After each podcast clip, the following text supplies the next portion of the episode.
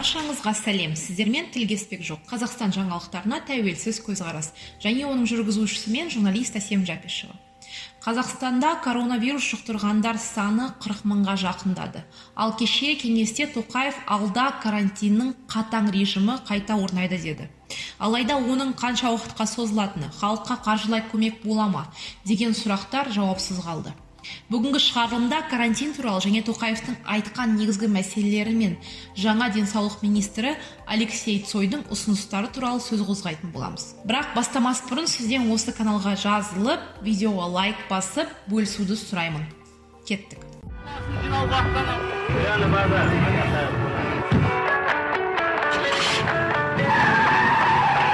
Сонымен елде денсаулық министрі ауысып елжан біртановтың орнына бұрынғы президент емханасының бас дәрігері алексей цой келді. Жағдайдың ушығуына байланысты қасым жомарт тоқаев жаңа министрмен бірігіп кеше өткен үкімет кеңесінде қатаң карантин режимі орнайды деп кесіп айтты. Ол карантинге қатысты маңызды хабар айтады деген күннен бастап көкейге бір сұрақ келді. Карантин қанша уақытқа созылатын болады? Ол режим қайта орнайтын болса халыққа төтенше жағдай кезіндегідей қаржылай көмек беріле ме? Қалалар жабыла ма? Әрине оның кеңесте айтқан сөздерінен бұл сұраққа жауапты біздер ести алмадық. Кеше өткен кеңесте көп тақырып көтерілді. Ол алдымен коронавирустың өршуіне шенеуніктерді айыптап арнайы комиссияға екі күн ішінде карантин жоспарын ұсынуды тапсырды. Одан басқа тоқаев мемлекетте ақпараттық жұмыс дұрыс жүргізілмейтінін айтты. Тоқаев бірнеше шенеунікке сөгіс кейбіріне ескерту жасады. Сөгіске қалғандардың ішінде шымкенттің әкімі мұрат әйтенов ақтөбе облысының әкімі оңдасын оразалин павлодар облысының әкімі әбілқайыр сқақов және ведомствоаралық комиссияның төрағасы ералы тоғжановтар бар. Ескерту алғандардың ішінде астананың әкімі көлгінов пен алматының әкімі бақытжан сағынтаев және аэроғарыш өнеркәсібі министрі асқар жұмағалиев бар. Тоқаев тж аяқталғаннан кейін эпидемияның кеңінен таралып кеткендігі биліктің салғырттығынан екендігін мойындады.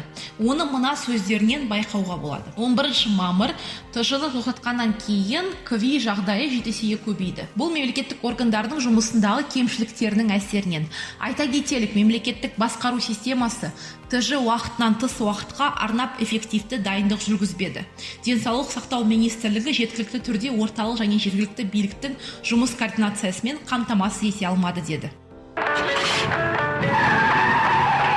Жаңа денсаулық министрі алексей цой қатаң карантинге арналған бірнеше жоспар ұсынды. Бірінші жүріп тұруға ешқандай шектеу локдаун салынбайды. Бұл сценарий бойынша тамыздың соңына дейін 27 мың науқас тіркеледі. Сәйкесінше 300 мың қосымша орын қажет.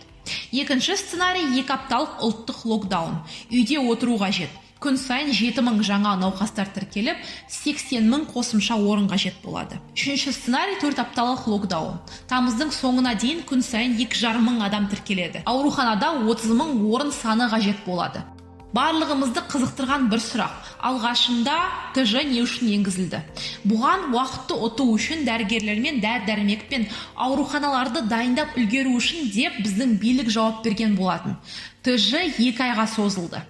Тж тиімді болып ол уақытта барлығын дайындап үлгерсе неге әлі күнге дейін дәрігерлер мен әкім орынбасарлары жұрттан көмек сұрап жүр? Тағы да карантин режимін орнату қаншалықты тиімді? Тоқаевтың сөздеріне белгілі саясаттанушы досым сатпаевтың айтқан пікірін келтіре кетейін. Кеше президент тоқаевтың қазақстандағы ковид 19 жағдайының нашарлауы туралы сөйлеген сөзі әкімдер мен басқа лауазымды тұлғаларға коронавируспен күрестегі сәтсіз жұмысы үшін айтқан сөгісі маған бірінші президенттің сүйікті риторикасын еске түсірді.